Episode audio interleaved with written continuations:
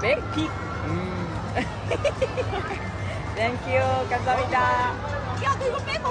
كادر جريسي أقرب مثال للرسالة اللي قلتها. كانت زمان غير مقبولة عند البعض والبعض كان ينتقدها بسبب لبسه أو غيره. اليوم كادي الكل متفق على حبها. ليه؟ ما شاء الله تبارك الرحمن. إيش أدب؟ إيش أخلاق؟ وإيش احترامها لمتابعينها سواء في لبسها أو شكلها أو طريقة كلامها أو غيره. وهي اللي حددت واختارت طريقة. والله رزقها حب الناس لها. وفعلا تستاهل التقدير.